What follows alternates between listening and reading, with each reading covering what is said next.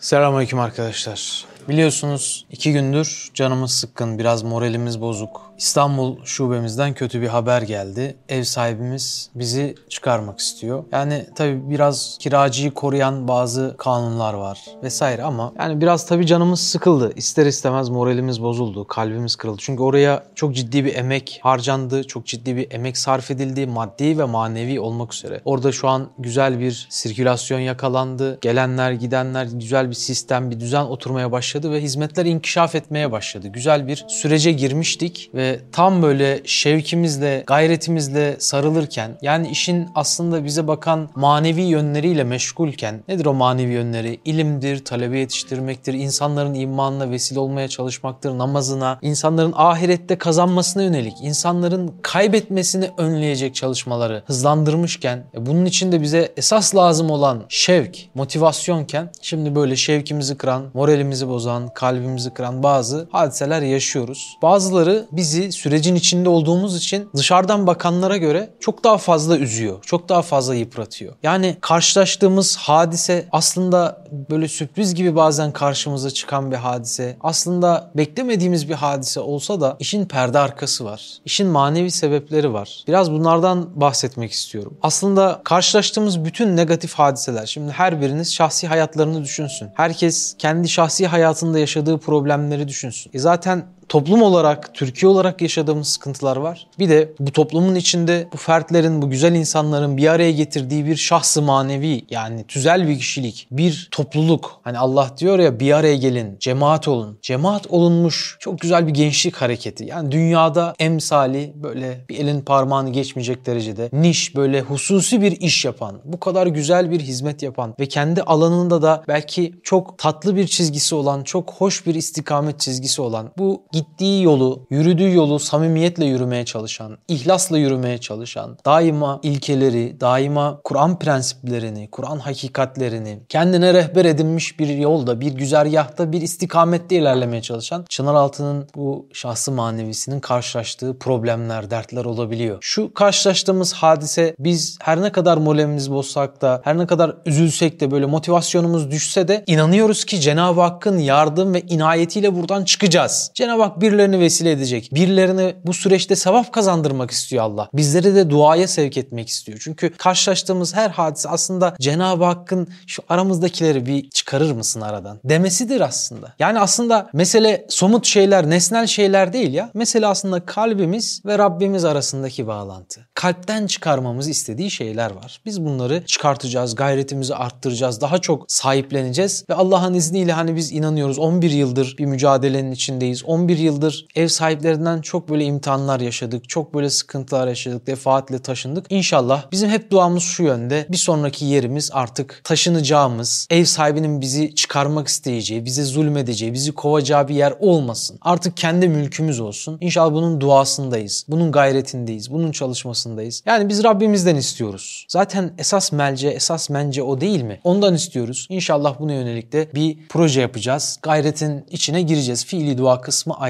Ama bu yaşadığım cendereden geçiş, o dar tünelden geçiş süreci beni bir sığınma arayışına itti. Sizler de biliyorsunuz yani beraber yaşıyoruz. Hüznümüz hat safhada. Gerçekten kalbimiz buruk. içimiz paramparça. Cenab-ı Hakk'a sığınıyoruz, el açıyoruz, el aman diyoruz. Cenab-ı Hak'tan yardım istiyoruz, inayetini istiyoruz. Yani iki gündür belki yıllardır olmadığı kadar kalbim sıkışıyor. Ruhum daralıyor. Bir fereç istiyorum Allah'tan. Ya Rabbi ne olur yardımını gönder. Ne olur bizi darda bırakma diye. Kardeşlerimizden de dua istiyoruz. Yani bizim daha e, yıllık kirayı veya aylık hatta kirayı ödeyecek noktada sıkıntılarımız varken bu kadar her şeyin 5 katı 10 katı pahalandığı bir ortamda bu kadar yüzlerce kişilik bir organizasyonu çevirmek ve bunu ilerletmek noktasında güçlükler, zorluklar yaşarken şimdi belki diyeceksiniz ki ne kadar farklı bir boyutta hani kendi boyumuzun çok daha üstünde bir noktaya sıçramak istiyoruz. İşte bu Allah Allah'a olan imanımızla alakalı, sığınma hissimizle alakalı. Bugün arkadaşlar mülk umumen O'nundur. Her şey Allah'ındır ve her şey Allah'ın istemesiyle olur meselesini lehül mülk kelimesi altında konuşacağız. Biliyorsunuz sabah ve akşam namazlarından sonra onar defa tekrarında çok büyük bir fazilet, çok büyük bir bereket, çok büyük bir hayır ve sevap bulunan bir cümle var. Nedir o cümle? Cümleyi tevhidiye. Hepiniz belki yıllardır çınar altına belki geldiğinizden beri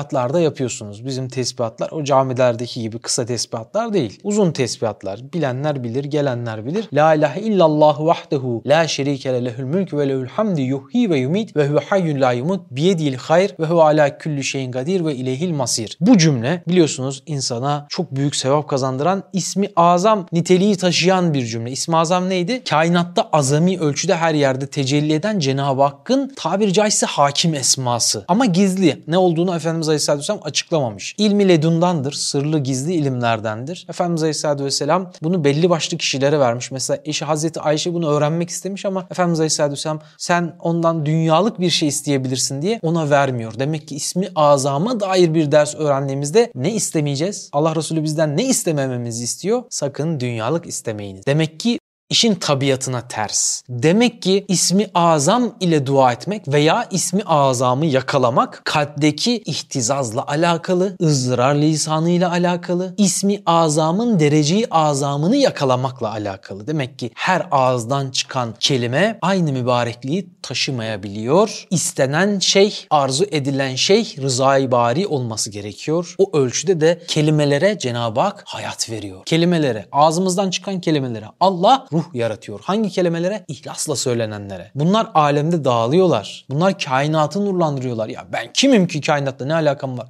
Deme Allah seni kainatın zübresine koymuş, kainatın merkezine koymuş. Sen belki bir hiç hükmündesin. Belki bir köle hükmündesin ama Cenab-ı Hak kainatın çarklarında seni kainatın ana işlemcisinin içine koymuş. Çekirdeğin özüne koymuş. Senin ağzından çıkan kelimeyle kainatı şekillendiriyor. Öyleyse ağzımızdan çıkan her kelimenin ihlasla çıkmasına dikkat edeceğiz. Bu bize ismi azamdan gelen derslerden bir tanesi. Bu cümle-i tevhidiyede ismi azam mertebesi var. Ama tabii ki Efendimiz Aleyhisselatü Vesselam'ın ağzıyla veya o frekansta, o rezonansta, kainatı titreten rezonansta söyleyebilirsek. Biliyorsunuz Üstad Bediüzzaman namaz kıldırırken Allahu Ekber diyor, ev lerzeye geliyor, ev sallanıyor. Abiler buna her namazda şahit oluyorlarmış. Demek ki nasıl bir aciz ve fakr lisanıyla, nasıl acziyetini ve Allah'a karşı muhtaçlığını hissederek namaz kılıyorsa hatta Abdullah Yeğen abi diyor ben böyle sofadan gelirken diyor Üstad Bediüzzaman'ı namaz kılarken yüzü bana dönük halde gördüm. Kendisine öyle acıdım öyle şefkat ettim ki çünkü yüzü bir cesedin cenazenin yüzü gibiydi diyor. Allah'a karşı öyle tazarru ve niyaz halinde öyle nedamet halinde öyle süklüm püklüm namazı öyle titreyerek kılıyor ya. Öyle bir ufuk yakalamış. Kardeş bu ufku yakalayan bir adamın gözünde dünyanın en büyük şirketlerinin CEO'su olmak servetlerini elde etmek gibi şeylerin hükmü var mı? Yok. Anlayamıyoruz. Biz diğerini öbürüne tercih ettiğimiz sürece de anlayamayacağız. Dünyanın malına, servetine ağız suyumuzu akıttığımız sürece de anlayamayacağız. Ahireti tercih etmediğimiz sürece, kalbimiz ahiret için atmadığı sürece, kalbimiz dünyayı talep ettiği sürece anlayamayacağız. Karun'a her şeyden altın yapabilme, daha doğrusu belli şeylerden altın yapabilme, her şeyi altına çevirebilme yeteneğini, ilmini kim öğretti? Allah'ın izniyle. Hazreti Musa öğretti. Peki Hazreti Musa niye hiçbir şeyi altına çevirmedi? İhtiyacı yoktu. Muhtaç olmasını sadece Allah'a karşı kulluğunda hissediyordu. Dünyaya karşı değil. Aynı şeyi Allah Resulü'nde de görüyoruz. Allah ona ne teklif etti? Tihame dağlarını arkana altın yaparak takayım, istediğin an istediğin servete ulaşabil. İnsanlık tarihinin görüp görebileceği en zengin kişi ol. Hayır dedi ben kuru ekmek yemeyi tercih ederim. Açlığı tercih ederim. Tevazuyu tercih ederim. Anlayabiliyor muyuz bilmiyorum. Yani Cenab-ı Hak bizden helal dairede işte zekatını verdiğin sürece bazı şeyler verdiğin sürece istifade etmeni serbest kılacak şekilde bir hürriyet vermiş bize. Cenab-ı Hak bunları bizden hani infak suretinde, sadaka suretinde bir ekstra olarak istiyor diye algılıyoruz. Aslında bakıyoruz ki Kur'an'ın ayetlerinde, aslında bakıyoruz Allah Resulü'nün sözlerinde 40'da bir yok o minimum. Mümkünse 40'da 39'unu ver mesajı var. Onlara rızık olarak verdiklerimizden infak ederler diyor. Kur'an bizi böyle tarif ediyor. Kur'an onlar infak edicilerdir diyor. Kur'an onlar darlıkta da verirler diyor. Bak bollukla da verirler diyor ama burada enteresan bir şey var. Verdiğin kimin ki? Allah'ın değil mi? Abi sen kimin malını kime veriyorsun? Bugün lehül mülkü konuşacağız. O ismi azam içerisinde kendisiyle istendiği zaman her şeyin kabul edildiği, duayı böyle kesin kabul edilen bir dilekçeye çeviren bir sır. Bulunduğun ülkenin hangi ülkeyse artık cumhurbaşkanı senin yakın arkadaşın olsa tek tuşla hızlı aramalarda kendisine alo diyebilsen ve dünyanın en yoğun atmosferinde bile seni çok sevdiği için telefonunu açabilse, ne istersen o dileğini yerine getirebilse artık dünyalık problemlerle ilgili bir şey kalır mı kafanda? Kalmaz değil mi? Ya kainatın sahibi, her şeyin sahibi senin kalbine bir telefoncuk bırakmış. Her şeyi yaratan Allah. Her şeyin sahibi Allah. Peygamberin senin için yeteri kadar iyi bir örnek değil mi kardeşim? Demiş ki her şeyi senin için yarattım. Allah Resulü nasıl cevap vermiş? Ben de her şeyi senin için terk ettim. İşte Allah'ın Habibim demesini sağlayan hakikat bu. Mana bu. Allah Resulü'nün muhatabiyeti yakalamasını sağlayan, miraç ufkunu yakalamasını sağlayan şey bu. Biz şeklen miraca çıkabiliyoruz ama ruhen kalben çıkamıyoruz. Namaz müminin miracı değil mi? Allah Resulü'nün çıktığı o Kab-ı Kavseyn mertebesi yani Sidretül Münteha'ya kadar Cebrail Aleyhisselam geldi. Ben daha bir adım daha atamam ya Resulallah. Atarsam yanarım dedi. Siz yürüyün yani size izin var dedi. Ve Allah Resulü yürüdü nereye? Kab-ı Kavseyn'e. Hatırlıyorsunuz onu anlatmıştık. Allah Resulü Aleyhisselam dönerken bütün kapıları açık bıraktı demiştik. Namaz müminin miracıdır demişti. İki yay arası arası demekti değil mi Kab-ı Kavseyn? Biz de namazda miraca çıkıyorsak Allah'a en yakın olduğumuz yer neresi? Secde işte iki yay arası demiştik değil mi? Secde ettiğimiz yer hatırlıyorsunuz. Yani Allah Resulü böyle dediyse, o muhatabiyeti Allah Resulü böyle yakaladıysa biz namazda Allah'ı unutuyoruz, kaçıncı rekatta olduğumuzu unutuyoruz, ne söylediğimizi unutuyoruz. Bu gibi sorunlar yaşıyorsak meselenin kaynağını anladınız mı bilmiyorum. Allah Resulü'nün Allah'a muhatap olmasını sağlayan o sırrı ıskalıyoruz. Her şeyi senin için yarattım diyen Allah'a ben de her şeyi senin için terk ettim diyemiyoruz ya. Ya mülk zaten onun. Her şey zaten onun. İstanbul'daki şubemiz de Allah'ın. Öyle değil mi? Yarın bir deprem gelir mi? Gelebilir. Deprem gelip de o mülkü bizi kovmak isteyen, çıkarmak isteyenin elinden alıverebilir mi? Verebilir. Biz bunu talep etmiyoruz. Allah afetinden uzak etsin diyoruz. Ama mülk onun meselesini anlarsak o zaman olaylara bakış açımız çok farklılaşır. Ya her şey Allah'ın mıymış? Her şey Allah'ınmış. Öyleyse ben Rabbimin mülkünde, Rabbimin mülkünden veriyorum verdiğim zaman. Benim değil ki. Bendeki emanet zaten bana ait değil. Yani vererek sanki bir şey satın almıyorum. Sadaka vererek, infak vererek, zekat vererek yani sanki ben bir üstünlük böyle bir ben ne kadar cömertim diye bir enaniyet, kibir sağlayacak yüksek hareket yapmış olmuyorum ki. Allah'ın zaten mülk. Düşünsene kardeşim. Ben sana ya maaşım yatmış da şu kısmını sen bir saysana diyorum. Bu kısmını da ben sayayım diyorum. Veriyorum. Sen de alıyorsun o parayı sayıyorsun. Bak sende emanetti. Sonra ne yapıyorsun? İşte biraz sonra benim yapacağım elektrik faturasına sanki sen kendi cebinden vermişsin gibi abi bak elektrik faturasını ödüyorum diyorsun. Kardeş yani benim param da o zaten. Değil mi? Benim paramla benim masrafımı ödedin. Yani bu mantıkla velillahil meselül ala. Olaya bakacak olursak yani sen zaten elinde tuttuğunu senin zannederek yanılgıya düşüyorsun. Senin değildi ki zaten. Ama vermen Allah'ın hoşuna giderdi. Bu tarz hizmetlerin önünü açman Allah'ın hoşuna giderdi. Sadaka belayı def eder. Ya sen Esat bin Zürare olsan Allah'ın hoşuna giderdi. Erkam bin Ebil Erkam olsaydın Allah'ın hoşuna giderdi. Yeni evlenmiş bir genç, değil ihtiyar bir insan. Yeni evlenmiş bir genç. Yandaki evi değil kendi evini açıyor. Düşünsenize kendi evini açıyor. Ya Resulallah gelin burada İslam'ı anlatın. Sen ben şurada köşede kenarda bir kulübecik var orada yatarım. Anlıyoruz değil mi farkı? Anlıyoruz değil mi kontrastı? Yani biz herkes kendine bakarak dinlesin hadiseyi. Arkadaşlar kainatın yaratılışına, Allah'ın kainatı tasarruf edişine, her şeydeki hakimiyetine, her şeydeki malikiyetine bakarsak bizdekinin sadece Allah'ı tanımak için verilmiş bir faraziyat olduğunu, bir vahidi kıyasi olduğunu, gerçek dahi olmadığını anlarız. Al 20-30 sene şunu bir elinde tutsana emanet olarak. Dediği şeyler ya aslında bize verdikleri. Yani kardeşim düşünsene. Mesela sana bir şirket arabası veriliyor. Şirket arabası verildiği zaman sen şunu düşünür müsün? Acaba bu arabanın muayenesi ne zaman? Acaba bu arabanın sigortası yatırıldı mı? Lastiği ne zaman değişecek? Bunların hepsi kimin işi? Şirketin işi yani. Senin işin değil ki. Bunları düşünmezsin. Sen kendi arabanın muayenesini düşünürsün. Kendi arabanın giderlerini, masraflarını falan filan hesaplarsın. Bu nasıl olsa şirketin benzini bile şirketten doluyor. Değil mi? Otobille, taşıt tanımayla hemen tık fullliyorsun. Düşünmüyorsun bile ama kendin alacağın benzini eskiden 50 liralık fix alma muhabbeti vardı. Şimdi 500 lira oldu herhalde o. 500 liralık alıyorsun. Daha fazla almıyorsun. Ne kadar zam gelirse gelsin 500 liralık alıyorsun. Zamlardan etkilenmemek için. Ya bütün kainattan bahsediyoruz. Sen senin değilsin ki zaten. İnsan küçük bir alem, alem büyük bir insan. İnsan kainatın değil mi? Alemi asgar diyoruz. Kainata da insanı ekber diyoruz. İnsan kainatın misali musagarıdır. Küçültülmüş bir örneğidir. Prototipsin. Sen senin değilsin. Kainat da senin değil. Abi yani kalbin dursa en yakınındaki şey değil mi organ? Elini sokup çalıştıramaz. İşte benim annem nefes yetmezliğinden diyelim vefat etti. Aslında böbrek yetmezliğinden. Ama ciğeri su toplamış. Nefes alamıyor. Yani oksijen her yerde. Ciğer senin değil abi. Oksijen senin değil. Düşünsene gelmişsin 60 yaşına. 60 yıldır nasıl yaptığını bilmediğin bir hadise. Bir gün kesilince anlıyorsun. Nefes alamıyorsun. Karşımda annemi o şekilde görmek ne kadar zordu benim için. Nefes alamıyor. Çekiyor gelmiyor. Yapıyor böyle. O kadar zordu ki. Ve o an anladım kardeşim. Böbrek de bizim değil. Karaciğer de bizim değil. Kalp de bizim değil. Allah sadece şu göz kırpmayı yıllarda değil mi verdiğimiz örnekleri göz kırpmayı sana verse. Kırpmayı unutursun gözün kurur ya. Bir kardeşimiz vardı göz damlası kullanıyordu. İşte gözün kipriğinde tembellik varmış. Normalde kırpması gereken kadar kırpamıyormuş. O damlayı sıkmazsa gözü gidecek adam. Kırpamayan adam değil bak kırpabilen adam. Fazlasını sen düşün yani. Yüz felci olanın vesaire. Hesabını düşün yani. Gözünü adamın bantlıyorlar değil mi? Ya abi çok basit otomatik yani. İnsan nefes alıp vermesinin otomatik olduğunu fark ettiği anda bir anda manuele dönüyor. Nasıl nefes aldığını unutuyorsun.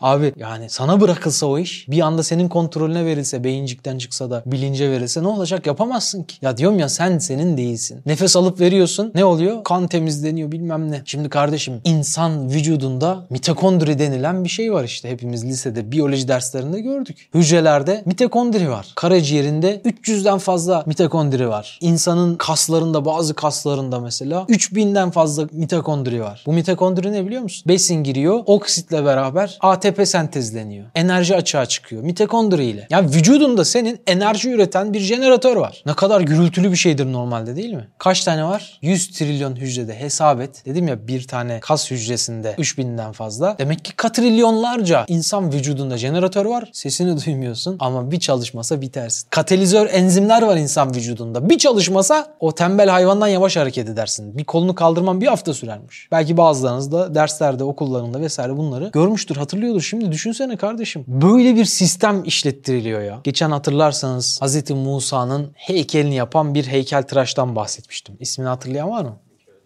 Güzel Michelangelo. Adam o Musa heykeli ne kadar sürede yapıyor biliyor musunuz? 10-15 yılda yapıyor. Düşün hayatının 10 yılını, 12 yılını neyse böyle bir heykele harcıyorsun. Sonuç aa ne kadar insana benzedi. Ya Allah 9 ayda her gün 350 bin tane hiçbiri birbirine benzemeyecek şekilde sadece suret değil siretle beraber. İnsanın vücudundaki damarlar dünyanın etrafını iki defa dolanacak kadar uzun. O derece bir kablo ağıyla örüyor. Nefes alıp vermene bak. Kamera olarak kaydeden 100 sene yaşasan 100 sene kaç terabaytlık bir bilgi birikimini mercimek tanesi kadar küçük bir hard diskte hafızada toplayan nasıl bir kudret hesap et. Yani biz bir de şöyle hesap edersek eskiden diskler vardı sonra CD'ler çıktı sonra işte Blu-ray'ler bilmem neler çıktı DVD'ler çıktı sonra USB'ler çıktı falan filan. Önceden sadece yazı vardı o kilobayttı sonra ses eklendi megabayt oldu sonra görüntü eklendi gigabayt oldu. Düşünsene ileride kokuyu da ekleseler mesela. Videoyu izliyorsun kokular değişiyor değişik kokular geliyor falan yemek varsa yemek kokusu geliyor falan. Böyle şeyler olsa nasıl bir boyut kaç terabayt eder bir tane film. Abicim bu şekilde düşün Cenab-ı Hak 100 sene yaşadığın zaman ne hatıralar kokular sesler. Ya basit bir Michelangelo'nun heykel yapması değil. Bu kadar komplike bir yapıyı Allah yaratıyor.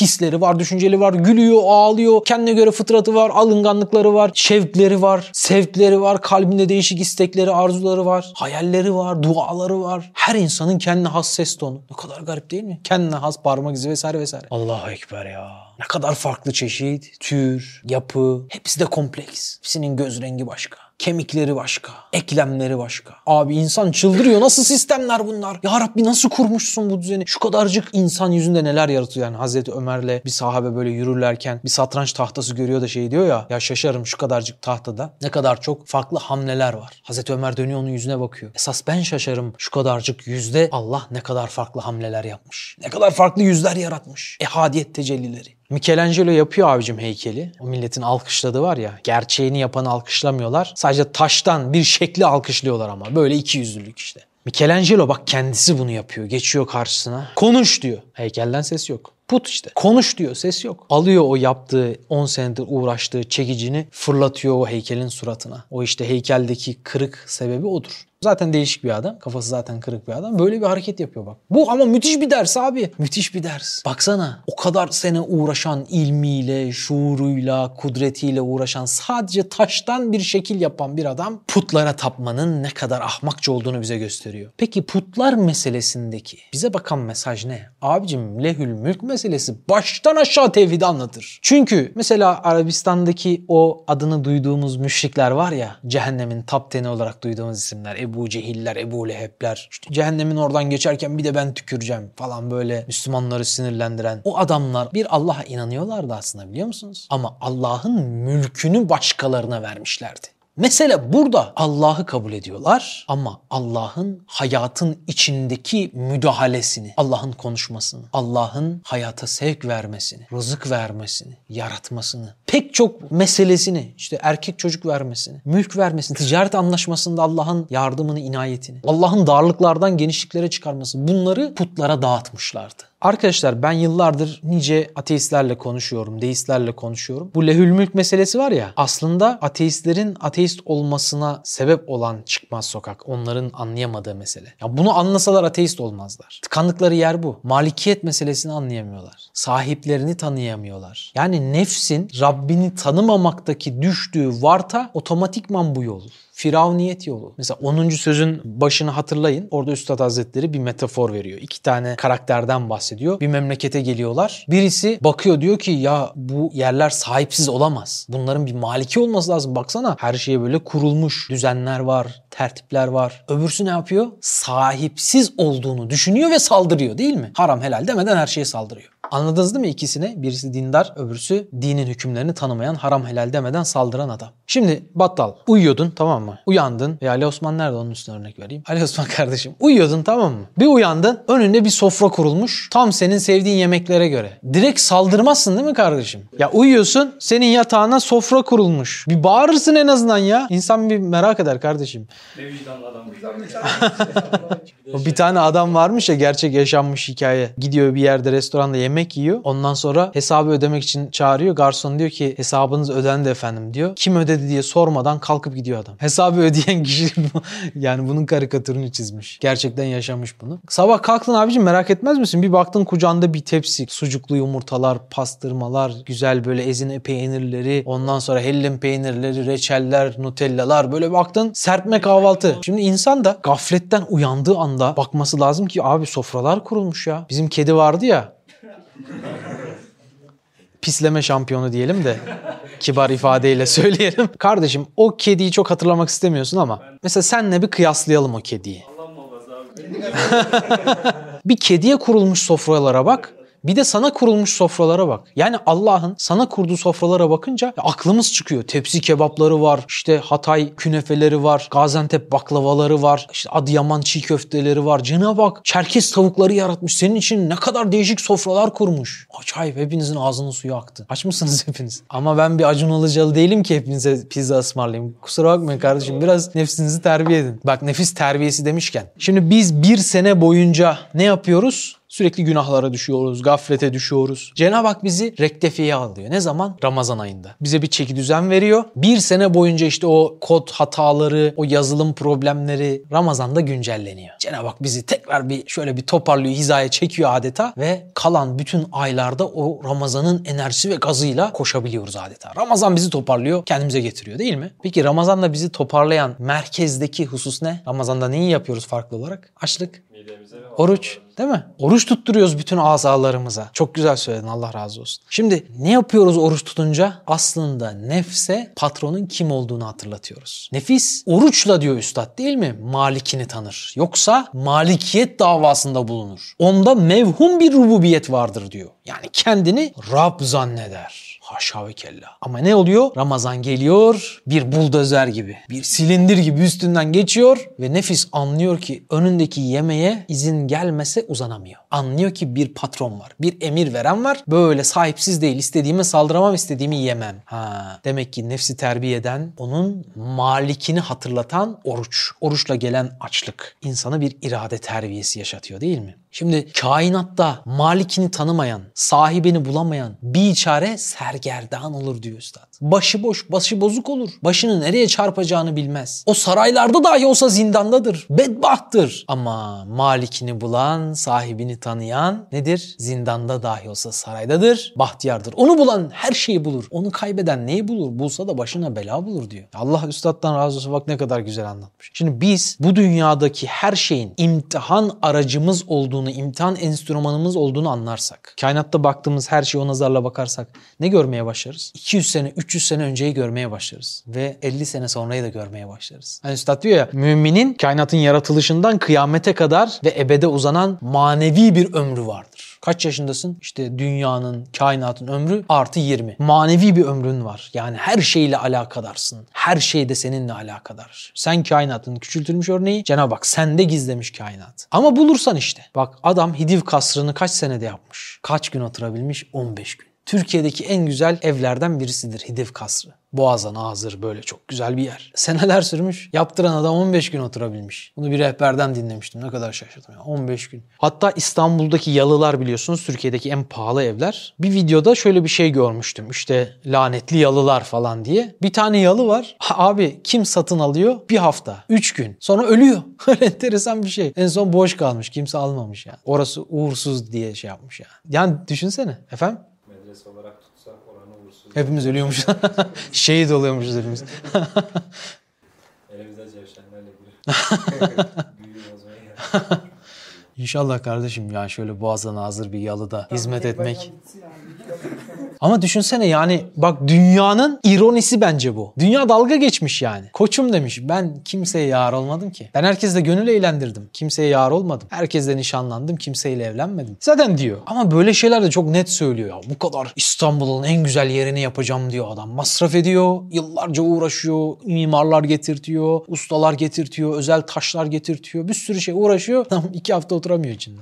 Ya bırakıp gidiyor. İşte dünya bu. Hani Ebu Derda o Şam hutbesine gitti ya. Hazreti Ömer Şam'da deptebi varmış. insanları uyar diye gönderdi. İnsanlar dünyaya dalmış diye. Ebu Derda gitti. Şam kadısı olarak bir hutbe verdi. Ey insanlar ne yapıyorsunuz? Yetişemeyeceğiniz şeyleri hayal ediyorsunuz. Yakalayamayacağınız şeyleri kovalıyorsunuz. Oturamayacağınız evler bina etmişsiniz. Harcayamayacağınız servetler biriktirmişsiniz. Sizin yaptığınız bu hatayı sizden öncekiler de yaptı ama evleri kabirleri oldu. Malları da harap oldu. Kim benden at kavminin mirasını iki dirheme satın alır diyor. At kavmi zenginliğiyle meşhur. Bizi kimse yıkamaz demişlerdi. Evlerimiz yıkılmaz evler. 12 şiddetinde depreme dayanıklı. Acayip saray gibi taşları oyarak yapmışlar. Bir de boyları rivayete göre yani 3 metreye yakın bir şeyden bahsediliyor. Boyları çok uzunmuş yani. Çokluktan kinaye. Belki gerçekten o kadardır. Belki değildir bilmiyorum. Ama çok uzun boylu güçlü insan insanlara zulmederlermiş. Şam bölgesine yakınlar. Çok zenginler. Ama ne oldu? Ne onlar kaldı, ne evleri kaldı, ne servetleri kaldı. Sana bana da Sultan Süleyman'a da olmadı, olmayacak. O yüzden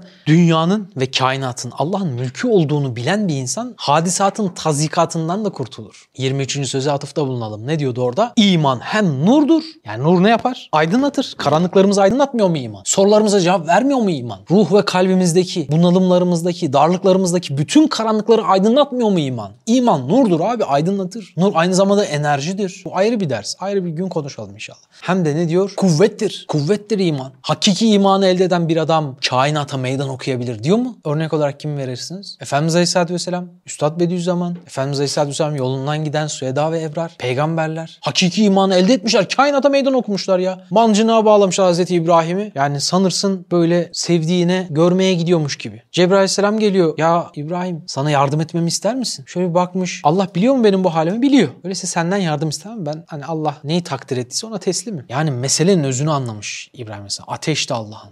Esbabın Rabbinin kudretinin önüne geçemeyeceğini idrak edersen duadaki bakışların da değişir. Allah isterse ateşi yakmaz hale getirir. Suyu ıslatmaz hale, boğmaz hale getirir. Balığı, seni yutan balığı deniz altına çevirir ya. Peygamberimiz Aleyhisselatü Vesselam ismi azamla ilgili konuşurken mesela darda olan, dara düşen Yunus kardeşimin duasıyla dua etsin. La ilahe illa ente sübhaneke inni kuntu minez zalimin. Ben nefsime zulmettim ya Rabbi sen subhansın senden başka ilah yok desin. Bununla dua etsin. Biz de bununla açacağız ellerimizi. Ama sadece işte çınar altının girdiği sıkıntı, ülkenin girdiği sıkıntı, işte senin şahsi hayatında girdiğin sıkıntı değil. Çok külli perspektiften bakacağız kardeşim. Dünyadan, dünya gemisinden atılmak veya nefsin senin yutan bir balığa dönüşmesi perspektifinden üstad bakıyor. Acayip bir bakış bu. Bir olay bir hadise değil. Komple ömrünü, hayatını, imtihanını o gözle değerlendirirsen işte nefsin seni yutmuş, gaflet denizinde aşağı çekiyor. Sen de ya Rabbi ben nefsime zulmettim. Senden başka ilah yoktur. Sen sübhansın, kusursuzsun, ben kusurluyum. De böyle çık diyor. Başımıza gelen hiçbir hadiseyi ıslah edemeyiz kardeşim. Onları kontrol edemeyiz. Ama Cenab-ı Hakk'ın kudretinin hepsinin üstünde olduğunu anlasak o zaman işi çözeriz yani. O zaman bizim için mesele kalmaz. Kedinin sofrasına geri dönelim.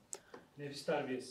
Evet. Bir kediye kurulan sofraya bak. Bir insana kurulan sofraya bak. Bütün kainatı senin emrine, senin önüne koymuş. Ama sen eğer aczini, fakrını unutursan, bunların hakimi benim dersen, malikiyet davasında bulunursan, küçük tepeleri ben yarattım, buralarda benim dersen, Allah'ı tanımak için verilmiş malikiyeti yanlış kullanırsan, işte orada ene sapması var. İman sapması var. Burada kaybediyor insan imanı. Bak hep o bildiğimiz meşhur ateistler var ya, Firavunlardır bilmem ne. Onların hepsi bu yoldan gitmişler de çukura düşmüşler. Ne yapmışlar çünkü? Allah'ın insana sunduğu nimetlerin imtihan için enstrümanı olduğunu unutmuşlar. Her şeyin Allah'tan geldiğini, hayrın da şerrin de Allah'tan geldiğini unutmuşlar. Her şeyin Allah'ın olduğunu, Allah'ın elinden geldiğini unutmuşlar. Kardeşler, dünya mahsulat veriyor. İki tane. Bir cennete, bir cehenneme olmak üzere iki çeşit mahsulatı var dünyanın. Dünya ahiretin tarlası ya. Siz hangi mahsulatın ürünü olacaksınız oraya bakın. Hasat zamanı geldiğinde nerenin malı olacaksınız? Bunu da belirleyen şey mülkün Allah'ta olduğunu fark etmek. İşin bir tarafı bu. Diğer tarafı da aslında bu hayata bakan yönü. Yani gene 23. sözde bir gemi örneği var ya. Üstad ne anlatıyor orada? Gemiye binen iki tane adamdan bahsediyor. Birine diyor ki yükünü gemiye bırak ya rahatla. Bak adam kendisi binmiş. Sırtında da malı var. Ne yapıyor? Malını gemiye bırakmıyor. Güvenmemek. Tevekküldeki mesele nedir? Allah'a güvenmek veya güvenmemek. Ya biz nasıl hukuktan anlamayız, avukatı vekil tayin ederiz ya. Aynı öyle. Biz de geleceği bilmeyiz. Allah'a vekil tayin etmemiz lazım. Hasbünallah ve nimel vekil. Allah ne güzel vekildir dememiz lazım. Allah bilir her şeyi yani. Her şeyin hayırlısını Allah bilmiyor mu kardeşim? Neyin senin için şer, neyin senin için hayırlı olduğunu, neyin senin için bereket, neyin senin için felaket olduğunu bilmiyor mu Allah? Allah'tan başka bilen var mı? E yok. E niye Allah'a bırakmıyorsun işini? Niye güvenmiyorsun Allah'a? Niye Allah'tan istemiyorsun? Niye tam manası yüreğin rahatlayacak şekilde Allah'ın o tevekkül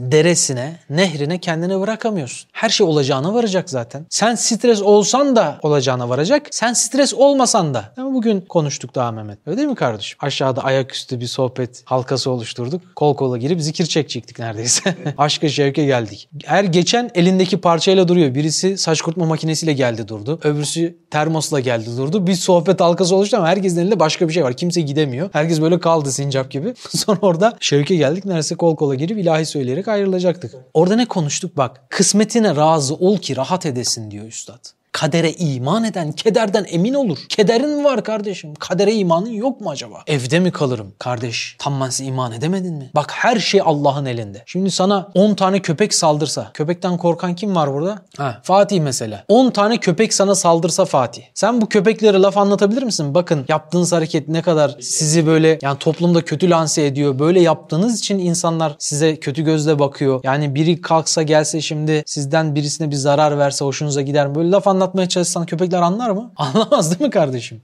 Kaçar?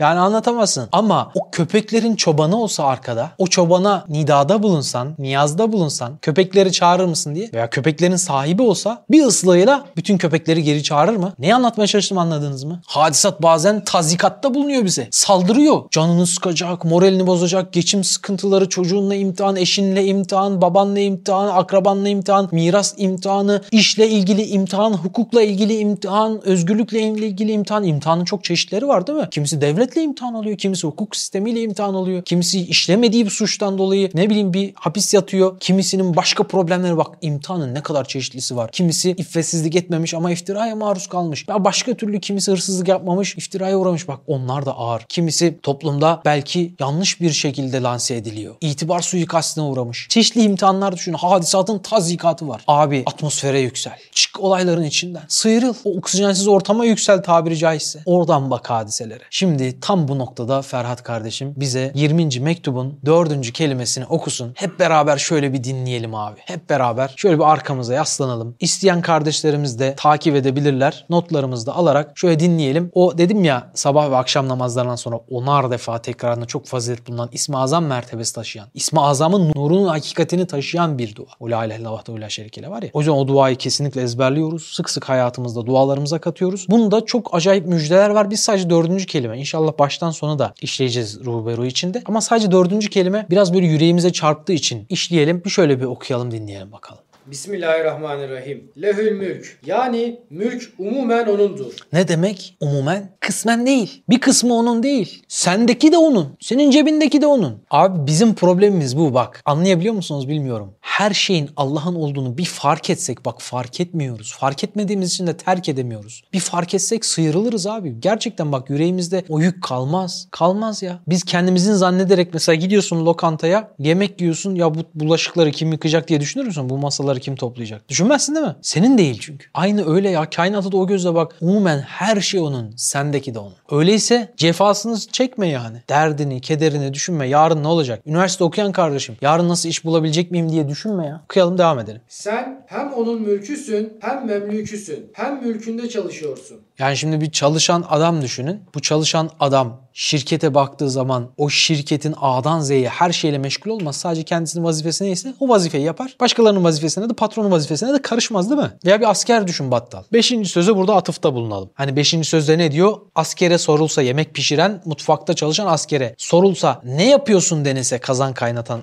askere ne der? Devletin angaryasını çekiyorum. Yani kendime yemek yapıyorum der mi? Demez. Ne yapıyorum? Askerlik vazifemi yapıyorum der. Anladınız mı farkı? Askere giden mesela birisini düşün battal. Gittin askere. Orada içtimadayken şöyle bir şey düşünür müsün? Ya acaba aç kalır mıyız? Aç kalır mıyım? Yani acaba girip hem askerlik yaparken hem de gidip böyle alsat mı yapsam yani? Nasıl? Burada açlıktan ölürüz. 5 gün 10 gün bir şey yemezsek. Böyle şey düşünmezsin. Ne dersin? Bu devletin vazifesi dersin. Benim vazifem değil. Benim vazifem askerlik. Benim vazifem cihattır. Talimdir. Kendi işine odaklanırsın. Girip mutfağı kontrol etmezsin değil mi? Makarna var mı? Patates var mı? Pikniğe gitmiş gibi. Böyle yapmazsın. İşte kulun da vazifesi budur. Allah zaten rızkı taahhüt altına almış. Sen merak etme diye bir daha da söylüyor. Allah onu taahhüt altını aldığını söylemese rızkı hakikiyi sen gene mantıken bunu bulman lazım. Çünkü yaratan kimse, malik kimse onun levazımatını, onun ihtiyaçlarını karşılayacak olan da odur. Ya milyarlarca insan gelmiş geçmiş ya.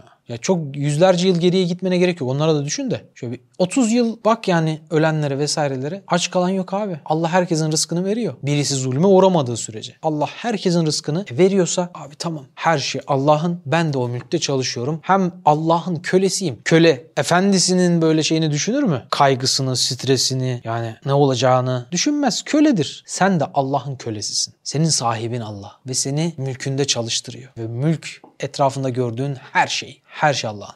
Bunu çok iyi anlamamız lazım. Evet devam edelim. Şu kelime şöyle şifalı bir müjde veriyor ve diyor. Ey insan sen kendini kendine malik sayma. Çünkü sen kendini idare edemezsin. O yük ağırdır. Kendi başına muhafaza edemezsin. Belalardan sakınıp levazımatını yerine getiremezsin. Öyleyse beyhude ızdıraba düşüp azap çekme. Mülk başkasınındır. O malik hem kadirdir hem rahimdir. Kudretine istinad et, rahmetini ittiham etme. Kederi bırak, keyfini çek. Zahmeti at, safayı bul. İşin dedik ya dünyaya bakan yönü de var. İntihar edenlerin pek çoğu şurayı okusa, bilse, anlasa intihar etmezdi. Belki hepsi. İntihar aşamasında olan çok kişiye bu yeri okumuşumdur, vazgeçmiştir. O kadar çok yaşadım ki bunu. Neden? Abicim her zaman insan o nefsin taziki altında, şeytanın vesvesesi altında Rabbinden gafil kalabiliyor. Sürekli böyle bir kusurla alüdeyiz yani. Ama biz Rabbimizi bulursak, onunla beraber olursak, aa her şey onunmuş. Her şey olacağına varacakmış. Her şey kaderde yazılıymış. Ben üstüme düşeni yapmakla sorumluyum sadece. Nedir o? Hayır yapmak, şer yapmamak. Bu kadar basit aslında. Çünkü fakir de olsan, zengin de olsan bu dünyada bazıları fakir olacak. Bazıları zengin olacak. Ve bu helal rızık değil mi? İktidar ve ihtiyarla maksen mütenasip. Yani insanın rızkı koşturmasıyla doğru orantılı değil ki. İnsanın acizliğiyle doğru orantılı. Tevekkülüyle doğru orantılı. Kanaatiyle doğru orantılı. Öyleyse kalple iş bağlanıyor. Kendine malik sayma. Kendinin bile sahibi değilsin. Sen kendini idare edemezsin. O yük ağırdır. Kendi başına muhafaza edemezsin. Belalardan sakınıp levazımatını yerine getiremezsin. Öyleyse beyhude ızdırabı düşüp azap çekme. Şimdi mesela burada sizler belki şu an çocuk sahibi değilsiniz. Ama ileride inşallah Allah nasip eder çocuğunuz olur. O zaman bu meseleyi daha iyi anlarsınız. Çocuğun başına bir şey gelecek. Şimdi doğmadan önce acaba doğar mı? Hasta mı doğar? Genetik problemi olur mu? Bir sürü şey. Düşük olur mu? Bunları düşünüyorsun. Bin tane olmama veya sağlıksız doğma ve hasta doğma ihtimali var. Sağlıklı doğma ihtimali bir. Ama bakıyorsun dünyadaki çocukların büyük bir çoğunluğu değil mi sağlıklı doğuyor. Düşük ihtimali Allah mucizesiyle yaptırıyor yani. Bu o demek. Sonra çocuk doğuyor gene bin tane ihtimal abi. Çocuk hastalanabilir, düşebilir, ölebilir. Bir sürü yani o kadar çok şey var. Ama bakıyorsun çocukların çok azına Allah ibretlik olması hasebiyle veya başka hikmetlerle cennetini alıyor, sarayını alıyor veya dünyada bazı hastalıklara uğratıyor. Şimdi anne babanın çocuğu kendi mülkü sandığı sahneye gelelim. Allah Resulü diyor ya ahir zamanda kıyamete yakın analar kendi efendilerini doğuracaklar. Cariyeler, köleler kendi efendilerini doğuracaklar. Şimdi bu kadar enteresan bir şey ki anneler çocuklarına tapar olmuş, babalar çocuklarına tapar olmuş. Çocuk ne derse onu yapıyorlar. Böyle sanki hizmetçisi. Parmağını şıklatıyor etrafında pervane oluyor. Ne oluyor? Bu asrın insanı şımarıklaşıyor. İslam da bize diyor ki çocuk senin değil. Bakın bizler, yani benim hayatımı biliyorsunuz. Eşimin hayatı da benim hanım versiyonum olarak. Aynı şekilde İslam'ı anlatan. Ama eşimle defalarca bu konuyu konuşmuşumdur. Çünkü anne şefkatle dolu bir yüreğe sahip. Ne yapıyor? Çocuğu için evhamlanıyor. Ve kendini suçlu acaba bir şeyi hata mı yaptım, yanlış mı yaptım, çocukla travma mı olacak, yanlışlık mı olacak vesaire değil mi? Bunları düşünüyoruz. Bazen ben de evhama kapılıyorum. Sonra neyi hatırlıyorum ve eşime neyi hatırlatıyorum? Bu çocuk bizim değil. Bu çocuk bizde emanet. Sahibi biz değiliz. Sahibi Allah. Çocuğu vefat edenlere de bunu anlatıyor. Benim de bir çocuğum vefat etti biliyorsunuz. Doğumuna iki hafta kala. Emanetini ister alır, ister tutar. Çocuk engelli mi doğdu? Şöyle düşün. Allah bir meleğini emanet edeceği insanlar içerisinde seni seçerek sana emanet etti ya. Günahsız birini sana emanet etti ve senin elinde duracağı o kısa süre zarfını da cennet bileti yaptı sana. Şanslısın şükret yani. Öyle değil mi? Kahırlanma. Neden ben? Bu yükü niye bana yükledi deme. Tam tersi sevin. Emanet kime verilir? Emin olana verilir. Demek ki Allah sana güvendi. Sen de Allah'a güven. Bak beyhude ızdıraba düşüyoruz. Adamın işte borca giriyor, sıkıntıya giriyor. Kimisi var evlenemiyor. Kimisi var işe giremiyor. Kimisi var üniversite kazanamıyor. Hayatımızda böyle suni streslerimiz var. Suni diyorum. Çünkü vesvese kaynaklı bunlar. Allah'ı tam manasıyla bulan, bilen bir yüreğin tevekkülünde bunlar eriyip gidecek şeyler aslında.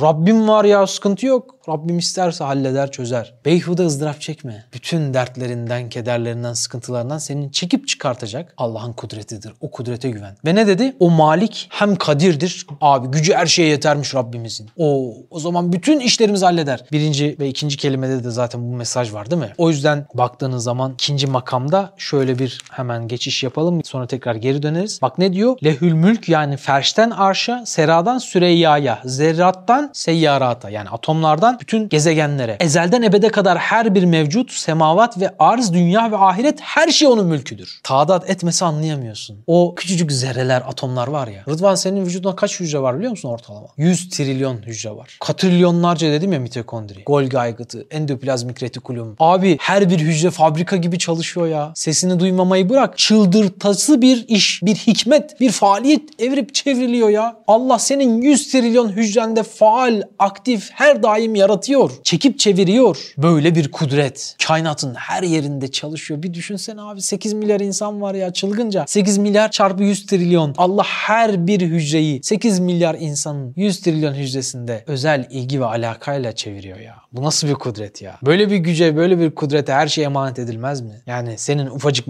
meselen ne ya? Şu kadar borcum var. Ne ki yani Allah için? Çınaraltı'nın mülk edinme duası varmış. Kiradan kurtulma duası varmış. Ne ki Allah için ya? Ne ki ya? Hiçbir şey ya. Hazinesi sonsuz diyorum bak. Gücü sonsuz. Hikmeti iktiza ederse ya. Sadece sen Allah'ı razı etmeye bak. Allah olmazları olduran değil mi? İsterse olmazı oldurur. Kardeş hangi müşkülün var? Hangi derdin var? Hangi olmazın var? Açılmaz sandığın bütün kapıların anahtarı Allah'ın elinde değil mi? Dizginleyemediğin bütün olayların dizgini Allah'ın elinde değil mi? Mehmet derdin ne kardeş? Hayırdır?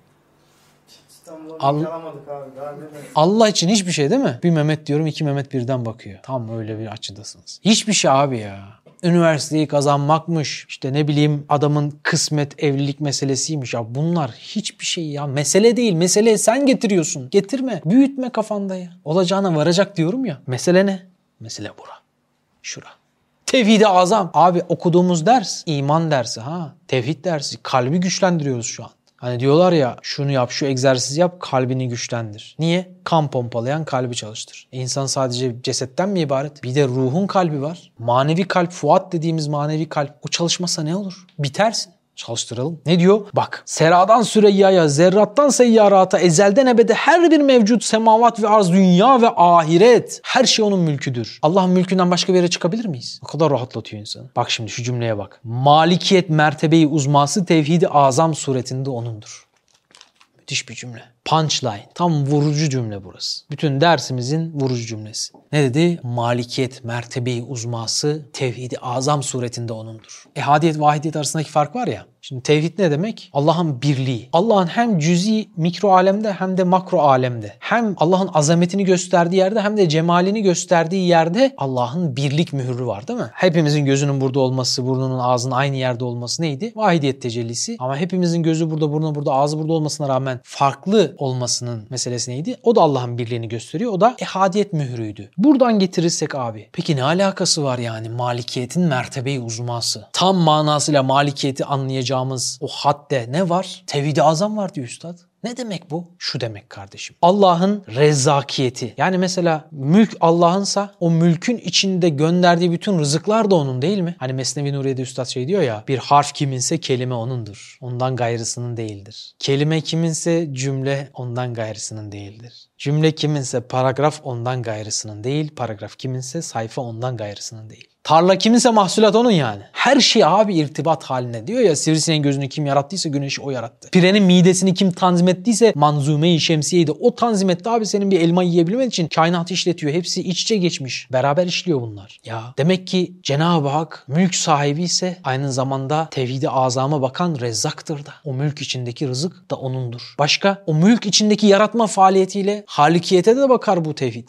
Demek ki Allah'ın malikiyeti Allah'ın halikiyetine de yaratmasına da bakıyor. Başka mülk onunsa o mülk içindeki terbiye ettiği, emrine itaat ettirdiği her şey de onun değil mi? Demek ki malikiyet içinde rububiyet de tevhid penceresinden gözüküyor. Demek ki malikiyet tevhidin zübdesinde tam ortasında. Başka mülk onunsa ibadet manasında bütün mabudiyet de onun ya. Tevhid penceresinde mabudiyet de gözüküyor demek ki. Allahu Ekber. Evet yani çok ilginç. İnsan mülk sahibini tanısa mülk kavgasına girmez. Kainatta da böyle toprak kavgası içine girmiş insan. Ama ilginçtir. Toprak kavgası yapan herkesin filmin sonunda kavuşacağı toprak miktarı eşit. Kimse biraz daha fazlasını alamıyor. Herkes bir avuç toprak alıyor. Bu da dünyanın ironisi. Bu dünyadan ne alıp götürmeye çalışırsan çorabını kefenine koyamayan zengin adam gibi gümrüğe takılıyor. Kabirde gümrük memurları var. Münker nekir. Götüremiyorsun abi oraya. Demek ki malikiyet meselesi böyle büyük bir mesele. Demek ki onu anlamak lazım. Evet devam edelim. Hem der ki manen sevdiğin ve alakadar olduğun ve perişaniyetinden müteessir olduğun ve ıslah edemediğin şu kainat bir kadir rahimin mülküdür. Mülkü sahibine teslim et, ona bırak. Cefasını değil, safasını çek. Mülkü sahibine teslim et ne demek? Tasarrufunu ona bırak demek değil. Onun olduğunu fark et demek. Ya zaten onun olduğunu fark et. Sen çek elini. Ya sende olan bir şey lütfettin de haşa Allah'a veriyorsun demek değil bu. Tamam elinde tutmaya çalıştığın zaman dünyaya böyle tırnak geçirmeye, diş geçirmeye çalıştığın zaman dişlerini kanatıyor, tırnaklarını kanatıyor. Allah'ım sana burada ihtiyacım yok der gibi sanki haşa Allah'a kapı dışarı etmeye çalışır gibi bir tavır göstermiş olursun o malikiyet davasıyla ama esasen Allah'a bırakma faslında tam tersi olmuyor. Allah'a bırakma faslında yani lütfetmiş de tasarruf ben değildi ama sana bırakıyorum. Değil zaten onundu. Ben elimi çekiyorum, yüreğimi çekiyorum. Anladınız değil mi aradaki farkı? Bak ince bir mesele. Eğer biz anlarsak neye yansır biliyor musun Osman abi? Biraz realiteden bahset dersen. Ya kardeş şimdi şu parkta birisi sana bıçak çekse seni bıçaklamasın diye veya çocuğun var yanında diyelim. Çocuğunu bıçaklamasın diye adama para verirsin değil mi? Al şu parayı da bıçaklama çocuğumu. Ama çocuğun hasta olsa kanser olsa başka bir adama da para verirsin çocuğumu bıçakla diye doktora. İkisinde de bıçaklama faaliyeti ama birinde para veriyorsun bıçaklamasın diye öbüründe para veriyorsun bıçaklasın diye. Şimdi hadisatın kimin elinde olduğunu anlarsan, kimin kontrolünde olduğunu anlarsan olaylara da aynı olaya yaklaşımın böylesine değişiyor işte. Bir anda Allah'a bırakıyorsun. Bir anda Allah'ın her şeyin elinde ve hikmetinde ve kudretinde ve rahmetinde ve onun taht tasarrufunda olduğunu fark ediyorsun. Ona bırakıyorsun. Onun bu kadar basit yani. Yani sen müteessir oluyorsun perişaniyetinden, seviyorsun, alakadar oluyorsun her şeyle ama ıslah edemiyorsun. Elinden de kayıp gidiyor. Öyleyse tutmaya çalışma abi. O bir tane resim var ya adam tutmaya çalışıyor böyle ipi, eli morarıyor. Bırakınca morluk geçiyor. Dünya da böyle işte.